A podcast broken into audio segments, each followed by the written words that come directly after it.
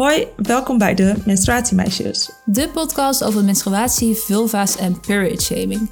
En alles waar je nog meer mee te maken krijgt als vrouw. Of mens met een baarmoeder. We zitten in onze digitale podcaststudio. Ik vanuit Berlijn en Lieke vanuit Utrecht. En we gaan het hebben over onder andere of de seizoenen wel wetenschappelijk onderbouwd zijn. Hoe Leonie erachter kwam dat ze PCOS had. Wat de invloed daarvan is op Project Baby. En we vieren een actieplan. Ja, een beetje vaag, maar moet je maar gewoon gaan luisteren. Gewoon luisteren. En dat kunnen we doen dankzij een nieuwe vriend van de show, Femke.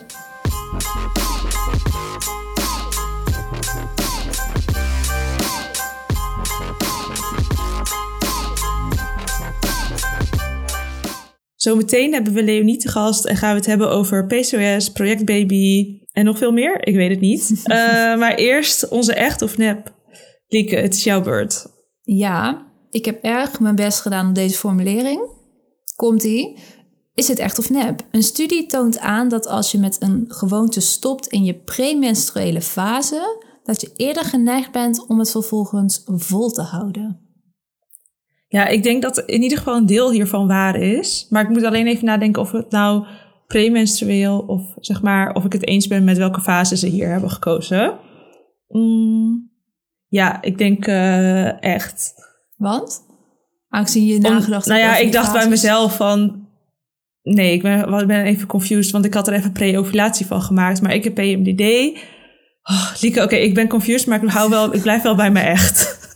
Oké, nou, uh, gefeliciteerd. Het is inderdaad echt. Ik kwam hierop via het Instagram-account Period with Maria Carmen. En zij is menstrual health researcher aan de Erasmus Universiteit. En ze maakte hier een reel over. Sowieso heeft zij echt hele leuke reels. En in die reel gaat ze ook dieper in op hoe die, hoe die paper dan precies in elkaar zit, onderzoekstechnisch. Nou, voor de mensen die het interessant vinden. Maar ja, gewoon dat hele gewoonte matchen met je cyclus, zeg maar. En het stoppen met bepaalde gewoontes bedoel, bedoel ik dan. Vond ik wel interessant. En het tegenovergestelde is ook waar. Dus in de folliculaire fase ben je meer geneigd tot addictive behavior door de hogere levels. Maar herken jij dit nu wel of niet? Omdat je net zo daarover na ging denken voor jezelf. Ik weet niet eens of het zin heeft als ik hierover na ga denken. Want ik heb atypische PMDD, waar ik me mm. dus somber voel op momenten waar andere mensen met PMDD zich meestal niet somber voelen. Dus zal ik me er hier gewoon even niet mee bemoeien. Ja, dat mag. Maar ik het wel jouw vraag omdat ik me er niet in herken. dus nu hebben we echt zo niks. Maar dat kan ook. ja, maar dan zetten we de reel gewoon even in de show notes. En dan ja. kunnen mensen zelf kijken of zij zich er wel in herkennen. Ja, stuur me even een DM als, als je denkt, dit ben ik. Ja, en de show notes zijn menstruatiemeisjes.nl slash show notes. En dan gaan we nu naar de menstruatiemail. We kregen een berichtje van Joosje. Dat ga ik even voorlezen. Ze schrijft: Hey, ik heb een vraag over het boek De Cyclusstrategie. Macy Hill is geen wetenschapper en of arts. Is het dan wel goed om haar boek te promoten? Geeft het mensen die menstrueren dan niet het idee dat ze zich een bepaalde manier moeten voelen? Productief, creatief, verdrietig. Terwijl dat meer een pseudowetenschappelijke take is. Er zijn talloze feministische platforms die dit boek promoten, maar niemand lijkt een kritische blik te hebben over Macy's Hills achtergrond. En dit terwijl er wel constant herhaald wordt dat er te weinig onderzoek wordt gedaan naar menstruaties naar menstruatie. Wat zeker klopt. Ja, deze vraag, volgens mij ging jij hem eerst heel even negeren, want uh, te ingewikkeld.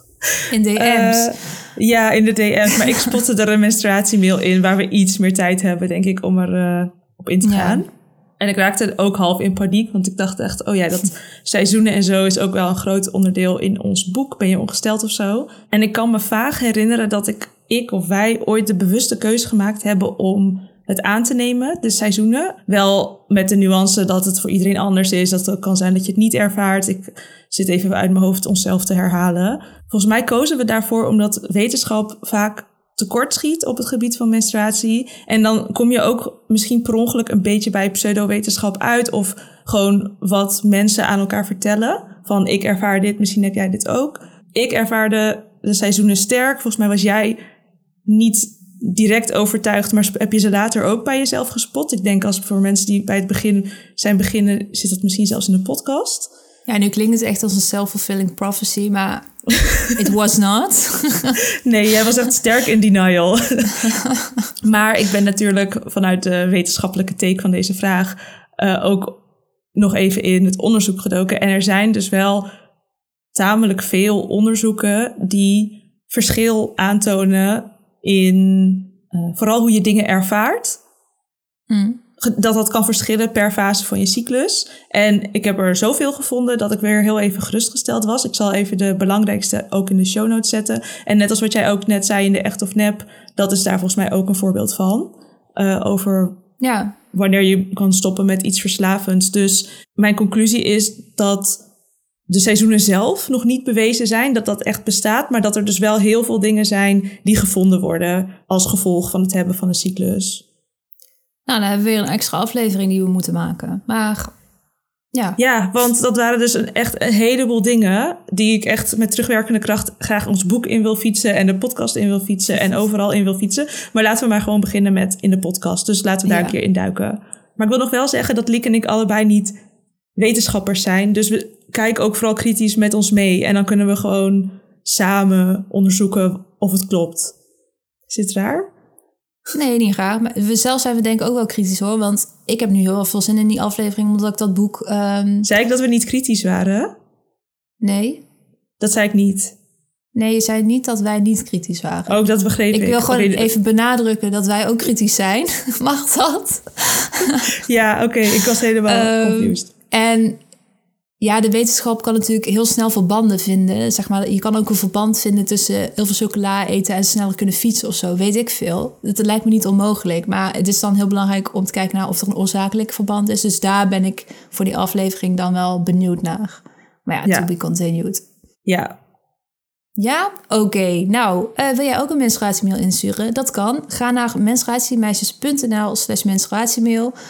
Daar staat ook beschreven hoe je een spraakmemo kan insturen. Extra leuk. En dan gaan we nu kletsen met Leonie Terveld over PCOS en project Baby. Nou, bij ons aangeschoven is Leonie Terveld. Welkom. Dankjewel. Leonie, ik heb een collega en die was zo hyped na vorige aflevering. Want op het einde zeggen we dan altijd... in de volgende aflevering is de gast. Nou, Leonie Terveld. Het was echt, oh, amazing. Maar even voor de mensen die jou nog niet kennen... kun je even kort vertellen wat je zoal doet? Uh, ja, nou, ik ben dus Leonie. Ik ben uh, van origine ben ik foodblogger. Ik ben uh, tien jaar geleden gestart met een website gewoon met de studentjesavondseet.nl. Ehm, en daaruit is een beetje voortgekomen dat ik ja, ook inmiddels gewoon online influencer ben eigenlijk.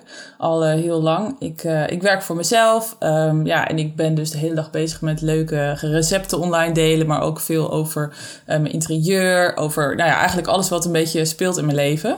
Ik ben op dit moment heel druk bezig met het verbouwen van een bouwval. Dus, uh, dus daar uh, zie je nu voornamelijk content online over voorbij komen. Met YouTube-video's en op Instagram. En uh, ik heb, maak een podcast erover samen met mijn vriend. Podcast de verbouwing. Ja, dat is een beetje waar ik, waar ik voornamelijk heel druk mee ben. Maar ja, mijn werk is eigenlijk dat ik, dat ik deel wat ik doe online met, met een heleboel mensen eigenlijk. Ja, en de podcast is ook echt heel leuk. Dus die zetten even in de show notes. Oh, heb je het geluisterd?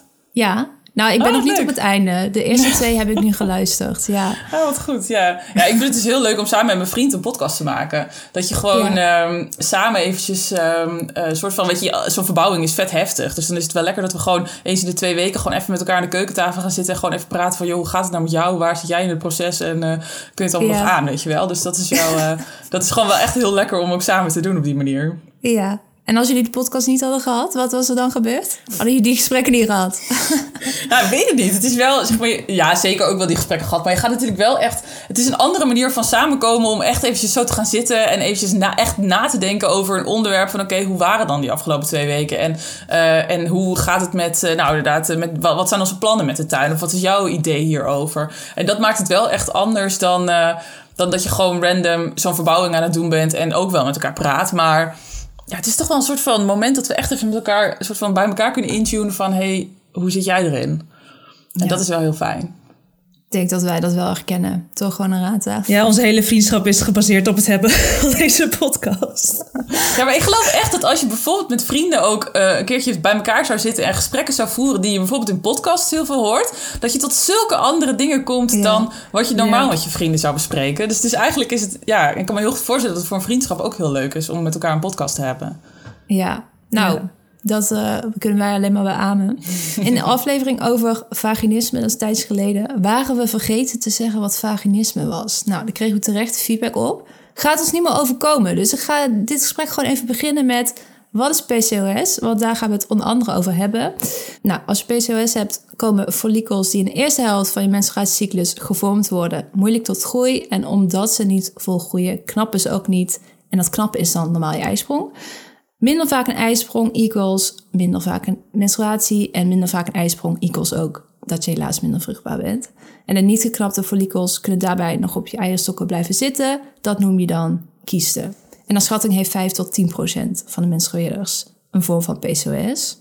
Ja, klopt dat uh, een beetje, Leonie? Of uh, moet je Lieke nog ergens verbeteren? Nee, volgens mij klopt het helemaal. Ik moet ook meteen zeggen dat ik zelf zeg maar, ook alle medische, medische shit daar natuurlijk niet over weet. Want ik heb ook geen idee. En ik heb, weet ook alleen maar wat mij verteld is in het ja. ziekenhuis. En ik weet het nu...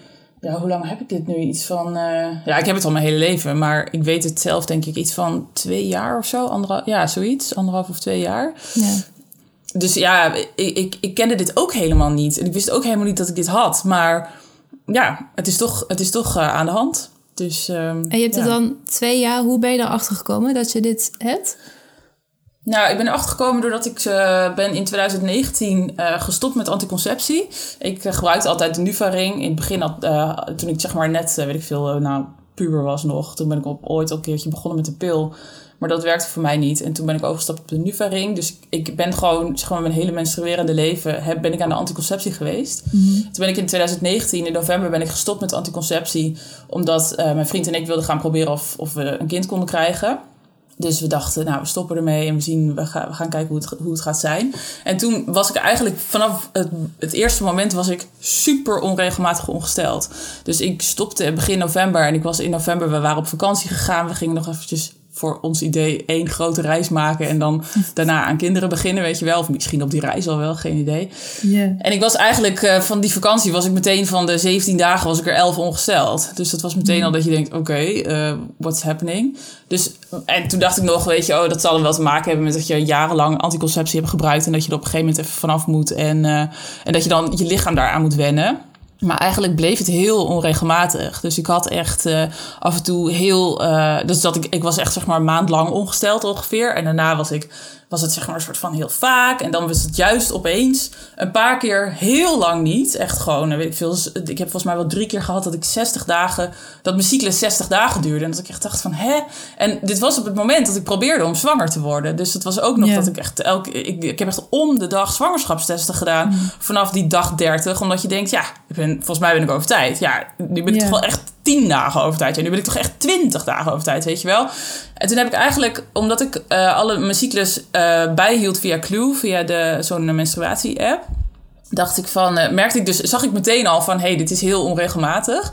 Maar ik had geen idee dat er iets aan de hand was. Ik dacht alleen maar, oh, dit komt omdat ik van, net van de anticonceptie af ben en mijn lichaam moet gewoon eventjes wennen. Maar ik dacht ook, ik heb nu al die data, ik ga er gewoon mee naar de huisarts en ik zie het wel, want ik ben echt wel iemand die ik ben iemand die, die van aanpakken houdt, weet je wel. Ik denk van, uh, uh, ik wil zwanger worden, dus uh, nou ja, dat gebeurt nu niet. Dus let's go, weet je wel. We gaan even meteen naar de huisarts. En mijn huisarts die zat er ook meteen al behoorlijk goed bovenop. Want dit was echt na drie maanden of zo. Die zei van, nou weet je wat, we gaan toch eventjes gewoon laten controleren in het ziekenhuis. Toen dacht ik van, oké, dus ik mocht naar het ziekenhuis. En ik ging daarheen voor een inwendige echo. En ik dacht echt dat ik naar het ziekenhuis ging... Uh, om eventjes uit te sluiten dat er iets aan de hand was. Zodat we zeg maar door konden met... oké, okay, ja, waar ligt het dan aan? En, uh, en er is niks aan de hand. En toen lag ik daar en toen kreeg ik die inwendige echo. En toen zei die echoscopist, die zei eigenlijk meteen al... ja, dit is overduidelijk, uh, je hebt inderdaad PCOS. Ik dacht echt, PCOS, wat is dat in vredesnaam? Ik, kende dat, yeah. ik had dat denk ik één keer eerder gehoord bij een andere influencer... waarvan ik wist dat hij dat had. Echt jaren geleden had hij daar een keer iets over gepost. Maar ik had echt geen idee. Hmm. Maar het was heel duidelijk te zien op de echobeelden... dat je inderdaad een soort van druiventrossen hebt. Dat je, dat je eierstokken zien er een beetje uit als druiventrossen... waar dus heel veel uh, eitjes tegelijkertijd uh, uh, ja, aan het chillen zijn. En toen, toen had ik opeens PCOS. En toen, toen, toen wist ik opeens wat er aan de hand was... en waarom mijn menstruatie inderdaad zo onregelmatig was.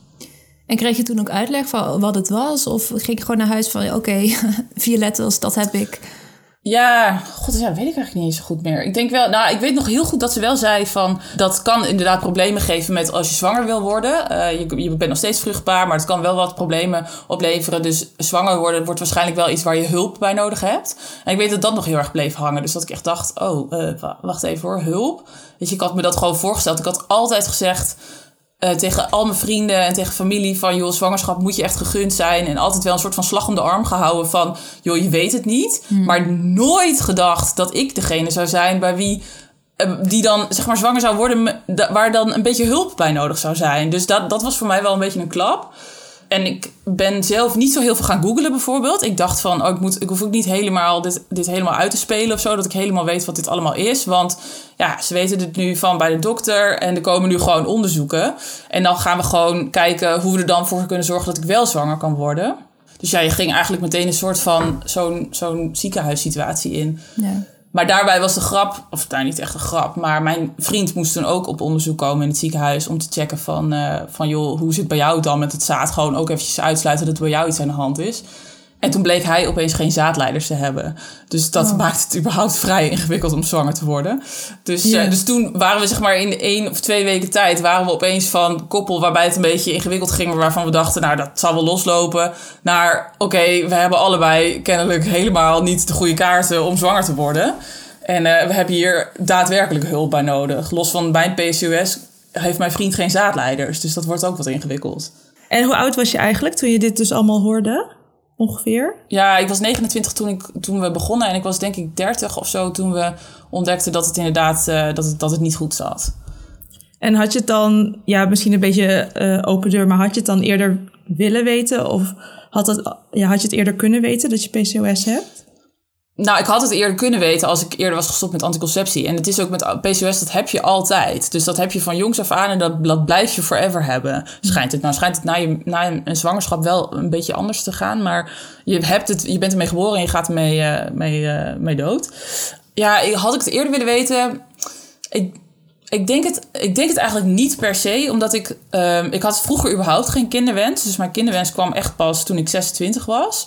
Of 27 misschien zelfs. Dus echt best wel laat eigenlijk. En ja, ik had het ik vond dat we nog steeds relatief vroeg waren eigenlijk. Toen, we, toen, we op, op, toen, we negen, toen, of toen ik 29 was, was mijn vriend 34. Toen had ik nog steeds niet heel erg dat ik dacht van... oké, ik wil inderdaad wel kinderen... maar dat mag voor mij ook echt nog wel vijf jaar duren. Alleen voor hem was het gewoon iets waar hij heel graag al mee, mee, uh, mee bezig wilde. En echt al, zeg maar, hij wilde... We kenden elkaar toen, weet ik veel, drie jaar of zo. En hij wilde echt op uh, dag één ongeveer al beginnen. Dus ik had het al behoorlijk uh, weten uit te, uit te stellen.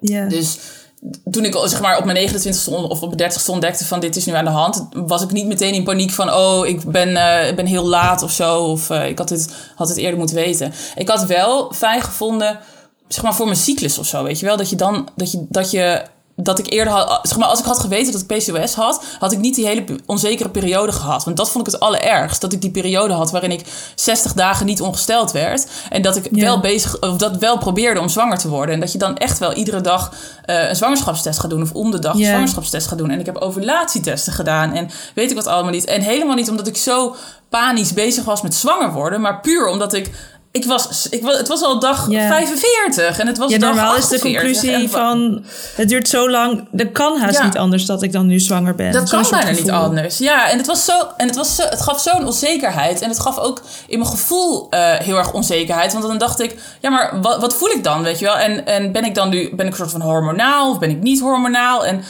Um, ik was op dat moment ook dat boek aan het lezen over, van, uh, uh, over de cyclusstrategie. En ik wilde ook heel graag weten wat mijn cyclus was en waar ik stond in mijn cyclus. Maar bij mij ging mijn cyclus zo alle kanten op de hele tijd. Dat ik echt dacht, zit ik nou echt op dit moment in mijn zomer? Of zit ik in mijn herfst? Of weet je, waar, waar, waar ben ik op dit moment? En, yeah. Nee, ja, en dat, was, dat, was zo, dat gaf zo'n onzekerheid. Ook wel met, met elk hoofdpijntje dat je hebt. Dat je denkt van, hé, is dit nou een soort van... Ga ik dan ongesteld worden? En dan word je weer niet ongesteld. Of mm. ik ben een dag super chagrijnig. Hè? Zit ik nou ben ik nou gewoon chagrijnig? Of is dat omdat ik, omdat ik last heb van mijn hormonen? Of, ja, weet je, en die onzekerheid vond ik echt heel lastig. Dus wat dat betreft had ik het wel wat eerder willen weten. Then again was ik heel snel bij eigenlijk uiteindelijk. Dus um, ja, uiteindelijk hebben we het best snel ontdekt nog. Ik begreep deze move gewoon niet. Wat moet ik met dit boek? Ik ga dit toch niet promoten? Ik ga toch niet zeggen... Oh, je wilt een boek lezen over menstruatie voor jonge mensen? Nou, weet je wat boek je moet lezen? Die van Millie Hill. Superster. ja. ik denk niet dat, dat, dat ik dat ooit ga doen. Dus wat moet ik hiermee? Dit is een klein stukje uit de bonusaflevering van vandaag, waarin we het hebben over Pinterest-censuur en het boek Cyclus Superster. Daar kun je naar luisteren als je ons met 2 euro per maand steunt, want dan krijg je namelijk toegang tot onze exclusieve podcastfeed. En dan kunnen wij de podcast weer beter maken en blijven maken. En daar hebben we deze keer iets aan toe te voegen, toch Lieke? Ja, want we willen een level up met de podcast. Eerst met beter geluid. Voor de oplettende luisteraar, de vorige aflevering was er iets mis met mijn geluid.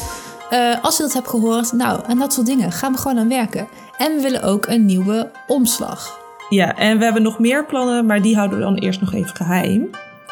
Nou, spannend. In ieder geval, wil je vriend van de show worden, maar heb je dat om welke reden dan ook nog niet gedaan, dan is nu misschien een mooi moment. Via vriendvandeshow.nl slash menstruatiemeisjes. Je vertelde dat je uh, heel veel deelt van je leven, maar je deelt ook over Project Baby. Kun je vertellen wat dat is? Ja, ja, ik, ik ben dus iemand die heel makkelijk het vindt om, om, nou, om te delen wat ik in mijn leven meemaak. En dat zou al zijn als ik je in de kroeg tegenkom, dan zou ik je ongeveer al helemaal vertellen wat ik die dag heb meegemaakt. Dat zit op de een of andere manier zit dat, zit dat in me. Dus het is wat dat betreft heel fijn dat ik daar nu mijn geld mee kan verdienen als online influencer. of in ieder geval iemand die ja, online de leven deelt. En uh, toen wij eenmaal in dat, uh, in dat fertiliteitstraject dus terechtkwamen, ik vond het gewoon zo bizar. Ik had gewoon nooit verwacht dat wij een stel zouden zijn die daarin terecht zouden komen. Wij zijn zulke zondagskinderen, weet je. Wij hebben altijd een soort van geluk in het leven en alles komt als een soort van aanwaaien. En nu opeens was, werd me verteld van ja, er is wel iets, een soort van klink in de kabel en dat is wel ingewikkeld. Maar omdat ik ook Jan en ik zijn allebei heel uh, optimistisch. We dachten ook meteen niet van, oh, nu, nu lukt het niet meer, nu kunnen we niet zwanger worden. We dachten alleen maar meteen in, oké, nou, nu is er dus kennelijk iets. Laten we het aanpakken. Wat kunnen we wel doen? Weet je wel, wat zijn wel de opties? En omdat we er allebei zo positief in stonden en ik dus heel erg dat heb dat ik alles altijd wil delen met mensen, dacht ik van ik ga dit ook online hierover vertellen. Ik vond het zo bizar dat als je eenmaal vertelt dat je in een fertiliteitstraject terechtkomt of als je vertelt joh ik heb PCOS, dan opeens hoor je verhalen van mensen om je heen met oh ja ja oh ja ik ken ook een stel die ook moeilijk zwanger kon worden of kende ook een stel die, uh, die ook of ik ken ook iemand die ook last had van PCOS. En die verhalen die kende ik eigenlijk helemaal of heel weinig maar weet je je wist wel een beetje dat het speelde maar op, toen ik er zelf tegen mijn vrienden over begon te praten, hoorde ik opeens veel meer erover. Toen dacht ik, ja, volgens mij is hier een, voor mij een rol in weggelegd. Kan ik hier online ook iets mee? Kan ik hier, ik vind het makkelijk om daarover te schrijven. Ik vind het leuk om daarover te schrijven. Ik vind het leuk om te delen. Ik heb een soort positieve vibe eromheen hangen. Dus laat ik dit dan vooral gaan delen met mensen online om te kijken of andere mensen er misschien ook steun uit halen. En toen ben ik begonnen met Project Baby. Wat een soort van serie is geworden op mijn blog op een blog waar het helemaal niet bij past. Weet je, het is gewoon wat een studentje s'avonds eet. En hier is opeens Project Baby. Hallo, ik zit in een fertiliteitstraject. Maar ja, ik dacht toch, ja, weet je, dit is mijn platform en ik ga er gewoon voor. En hier kan ik gewoon mijn grote teksten delen. Dus, uh, dus toen ben ik erover gaan schrijven en ben ik, ben ik mensen gaan meenemen in ons, uh, in ons traject eigenlijk. En, en wat er allemaal bij komt kijken. En, en waar sta je nu in Project Baby? Hoe ver? Ja, nou, we zijn, we zijn eigenlijk hartstikke ver. We staan letterlijk in de koelkast, een soort van. We, zijn, uh, we hebben denk ik een jaar ongeveer in het traject gezeten. Waarbij, zeg maar, ja, wat in augustus werd bij mij die PCOS ontdekt. En uh, in nou, dezelfde maand werd bij, Jan, bij mijn vriend ontdekt dat hij geen zaadleiders heeft. Toen hebben we ongeveer een jaar in een traject gezeten waarbij uh, hij een operatie heeft ondergaan. Om te zorgen dat er wel, want er zit wel zaad in zijn lijf, alleen het kon gewoon niet eruit. Dus dat is eruit gehaald met een operatie.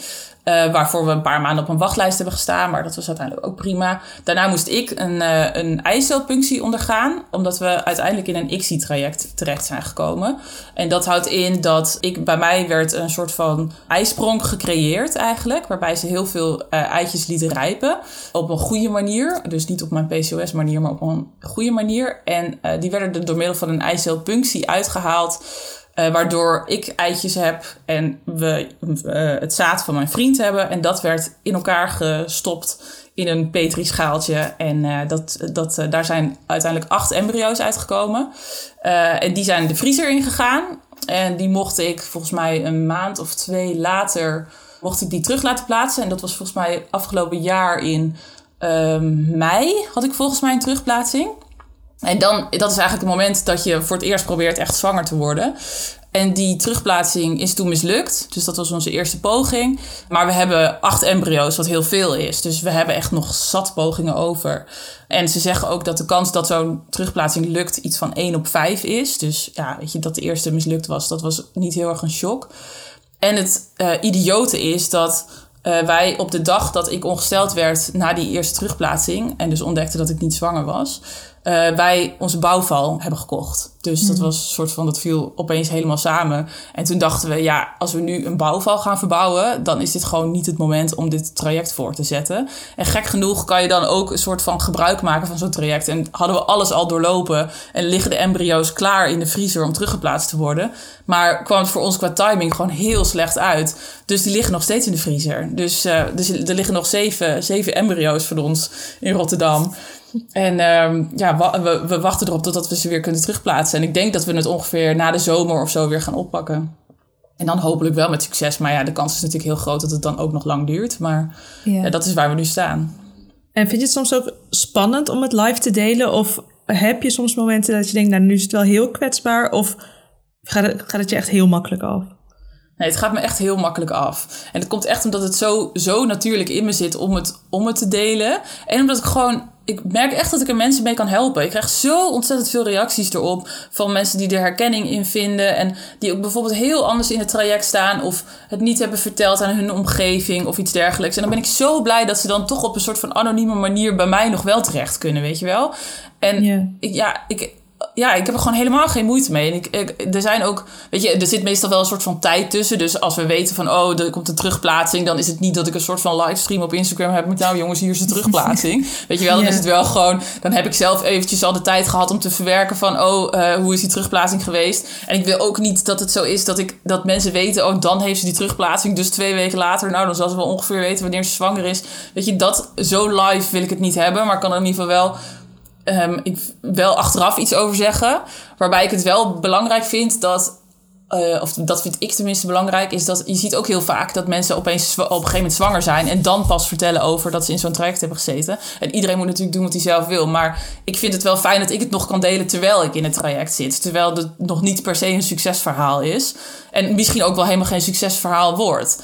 Maar ja, dan zie ik dan wel hoe ik me daar dan bij voel. En dat is wel gewoon onderdeel van hoe dit traject is. En op die manier vind ik het wel fijn om het op die manier te kunnen laten zien.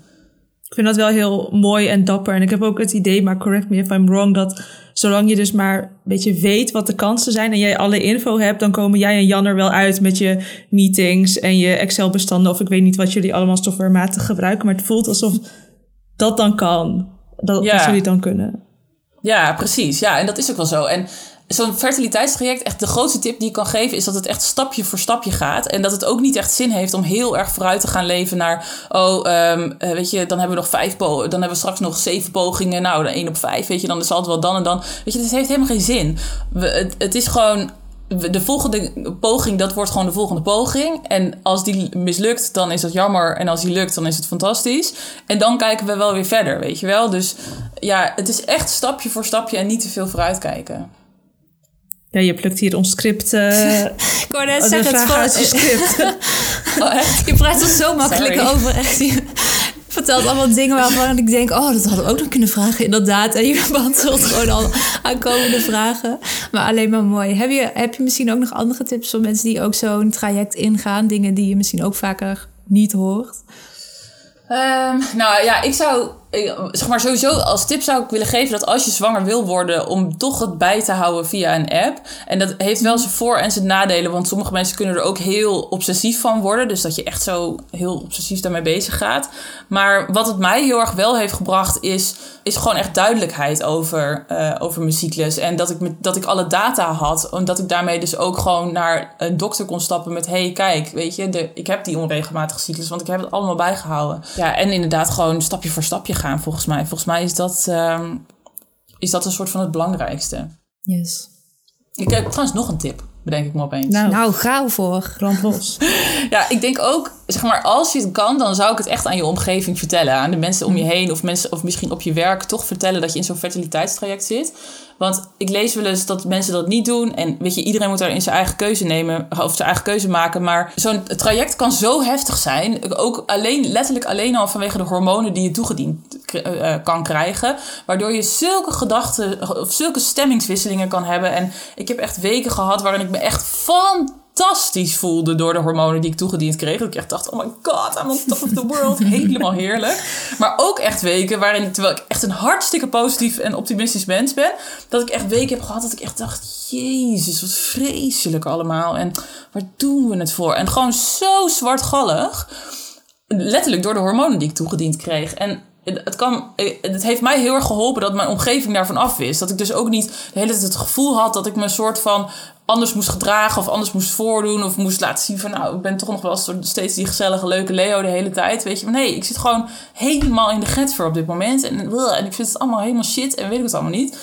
En als ik dat niet met mijn omgeving had gedeeld, dan had ik daar zo um, alleen uh, in gestaan voor mijn gevoel. Dus ik zou, ik zou dat in ieder geval heel erg als tip geven. Maar ik heb makkelijk praten, want ik deel alles heel makkelijk altijd met mensen. Maar het is wel iets waar, als je je eenzaam voelt in zo'n traject, dan kan dat misschien helpen om het toch wel aan, uh, aan wat mensen uit je omgeving te vertellen. Om iets meer begrip te hebben. Ja. En nog even terug naar PCOS, want wij zijn natuurlijk niet de ervaringsdeskundigen, dus ik ga je gewoon optimaal gebruik van maken. Maar zijn er uh, over PCOS ook dingen waarvan je denkt, nou, die worden echt niet vaak genoeg besproken of dit horen we niet vaak genoeg? Nou, wat ik best wel bijzonder vind, is dat PCOS bijvoorbeeld ook heel vaak. Nou, sowieso dat PCOS heel veel voorkomt. Je noemde in het begin al uh, dat percentage. Nou, dat vind ik echt bizar, eerlijk gezegd al. En tegelijkertijd is er best wel weinig over bekend ook nog. Dat je denkt, uh, joh, doe even wat meer onderzoek. Uh, maar wat ook heel vaak voorkomt, en dat weten ook heel veel mensen niet, is dat vrouwen die, of mensen die last hebben van PCOS ook uh, best wel vaak last hebben van PDS, prikkelbare darmsyndroom. Hmm. En dat is sowieso wordt er weinig gesproken over, ja, bij jullie in de podcast waarschijnlijk wel, maar in het algemeen weinig gesproken over uh, darmproblemen en menstruatie. Dat dat helemaal uh, ellende is met elkaar. Maar dat is ook zo, dus als je last hebt van PCOS, er ook een grote kans is dat je ook last hebt van PDS. En ik heb al jaren last van PDS, maar ik had nooit de koppeling gelegd met dat dat misschien ook met die PCOS te maken zou kunnen hebben. Ja. Nou kijk, maar goed ook een vraag, want dit had ik dus ook nog niet gehoord. En je zegt van ja, misschien in jullie de podcast wel. Nou kan je vertellen, in onze podcast tot nu toe niet. Dus PDS gaat nee? op de lijst van onderwerpen, ja. Ja. ja, ik duw die volgens mij altijd een beetje weg, omdat ik al mijn hele menstruatie en PMDD en alles op tafel leg. En dan zijn er stukjes van mijn persoonlijkheid of leven die ik dan nog probeer privé te houden. Maar Leonie is not having Sorry. it. Nou, dan zijn we daarmee echt op het einde. En wat we op het einde altijd doen, is onze gast om een try this at home te vragen. Dus ook aan jou de vraag: heb je die voor onze luisteraars? Ja, ik noemde het net al eventjes. Ik zou gewoon, um, ik zou inderdaad echt je cyclus bijhouden via een app. Ik heb daar zelf zoveel, um, zoveel aan gehad. En juist omdat ik zo die onzekere periode heb gehad, waarin je dus ook niet helemaal zeg maar, nu had ik tenminste de data nog, weet je wel. Nu wist ik ook van, hé, maar dit is inderdaad dag 60, dus dit is niet normaal ja, dat, dat, dat gaf me in die onzekere periode toch nog in ieder geval iets van houvast. Of in ieder geval iets van data. Dus ik ben zelf echt heel blij dat ik dat doe. En ik merk ook dat ik dan, als ik vriendinnen spreek die bijvoorbeeld zwanger willen worden, dat ik ze dit ook allemaal adviseer. Van joh, ik zou misschien toch zo'n app bijhouden. Zodat je ook weet uh, wanneer je inderdaad je ovulatie hebt. En dat is natuurlijk handig als je zwanger wil worden. Maar ook zodat je inderdaad iets meer weet over waarom je je op welk moment op een bepaalde manier voelt. Dus ja, dat is toch wel uh, dat is de tip die ik wel zou geven. Hoewel ik denk dat jullie het al heel vaak hebben genoemd, waarschijlijk. Uh, We hebben ook echt heel vaak Clue benoemd. Ja, ik heb ook heel veel gratis reclame gemaakt voor Clue. Maar er zijn ook andere apps. Just saying. Ja, maar, uh, ja. maar Clue is wel de beste. Dus, ja, ik wil zeggen, van Clue dan wel het makkelijkst werken. Hoewel ze daar dus niet, zeg maar, wat ik dan ook echt zo, wat, wat nog niet eens ter sprake is gekomen, maar door die PCOS heb ik dus twee weken per maand ben ik ongesteld. Hè. Het is echt vreselijk. Maar en dan zit dus in Clue niet een functie waarbij waarbij ik kan aangeven hoe mijn menstruatiebloed eruit ziet. Dat mis ik wel mhm. heel erg. Ik dacht, dat wil ik ook nog een soort van bij kunnen Maar hoe, uh, ja, goed dat je nog even aanstipt, want hoe kan dat dan, dat je zo lang bloedt? Ja, Ik heb werkelijk geen flauw idee. En wat zeg maar de grap is dat ik dus heel onregelmatig was en inmiddels dus best wel regelmatig ongesteld ben, gewoon één keer per maand, maar dus wel twee weken lang. Dus de, en dan heb ik zeg maar een week lang dat het gewoon bruine zooi is in je ondergoed en daarna dat het pas, eh, pas rood wordt. Maar dan again is ook geen pijl op te trekken, want ik ben het inmiddels nu nou ook alweer weet ik veel 15 dagen of zo echt ongekend met migraine aanvallen en weet ik wat allemaal voor een ellende. Dus gewoon echt geen pijl op te trekken. Maar ehm, ja, ik weet, weet eerlijk gezegd niet waarom dat nou precies zo is. Het schijnt wel ook te kunnen zijn doordat je zoveel... Maar ik heb dus geen medische kennis, hè, dus misschien is het echt totale bullshit wat ik zeg. maar ik heb er wel eens over gelezen dat... Eh, omdat ik zoveel eitjes steeds het aanmaak... dat er dus ook heel veel eitjes opgeruimd moeten worden. En dat daardoor die menstruatie soort van heftig kan zijn. Oh ja. Zoiets. Maar geen Nou, mocht dit echt totale bullshit zijn en iemand stuurt dat in, niet dat ik dat wil veroordelen, maar dan know. zetten we het in de show notes. Dan maken we even een sp- een space voor mocht dit correctie eh, Ja, nodig goed. hebben. Heel ja. goed. Leonie, waar kunnen mensen op de hoogte blijven van jou en Project Baby? Ja, je kan het het beste volgen via mijn Instagram. En dat is @lterveld van Leonie Terveld. Nou, dan gaat het lukken, denk ik. Dan zie je ook heel veel bouwval shit voorbij komen. Maar dat duurt nog drie maanden en dan is het klaar als het goed is. Project Baby en Project Bouwval. Ja. ja, het is Ja. wat. Ja, zit nooit stil hier. Nou, super erg bedankt, Leonie. Ja, dankjewel. Hebben die ook weer check. PCOS. En dan gaan we nu naar de Gouden Cup. Ik mag de Gouden Cup weer uitreiken. En deze keer gaat hij naar de Franse regering. Hoe else? Want zij komen met een serieus actieplan tegen endometriose. Het stond op nos.nl, dus misschien heb je het ook al voorbij zien komen. Maar ik wilde toch even nog een keer... Ik heb het gedeeld in de stories van Rata. ook Echt oud gewacht op deze dag dit. Dat ja. ik dit tegen jou kan zeggen. Want meestal is het andersom. Ga ik iets zeggen, Ja. dan zeg jij, dit heb ik al gedeeld in Oh, stories. Ja, sorry, ik ben even offline voor mijn mentale gezondheid. Het was Nee, even verwijt. Ik ga nog even aanstippen. De drie dingen, de drie stappen die ze willen gaan uitvoeren zijn 20 miljoen voor wetenschappelijk onderzoek. Nou, zal ik even op het applausknopje drukken hier? Doe eens. In eh, even dat soundboard. eh, cheering of clapping? Cheering. Vind ik wel leuk. Oké, komt die?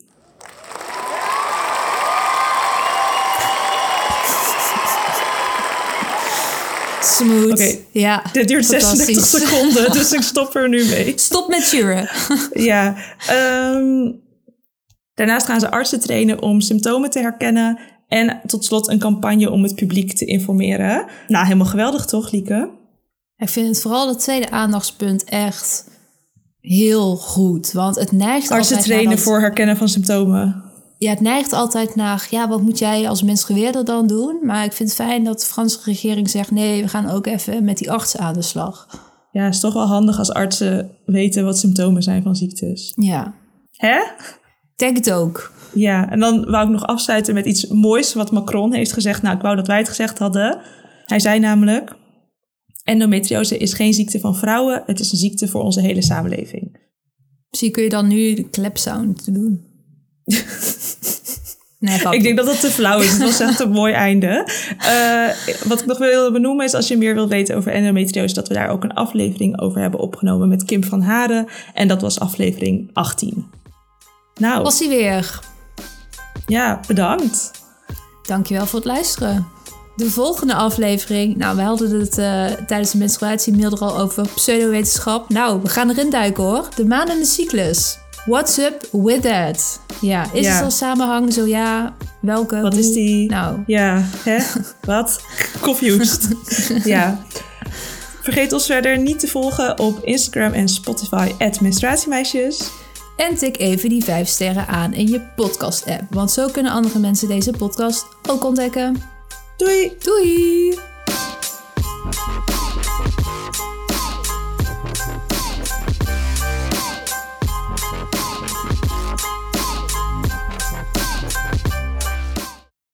De volgende aflevering gaan we duiken in de maan en hoe die samenhangt met je cyclus.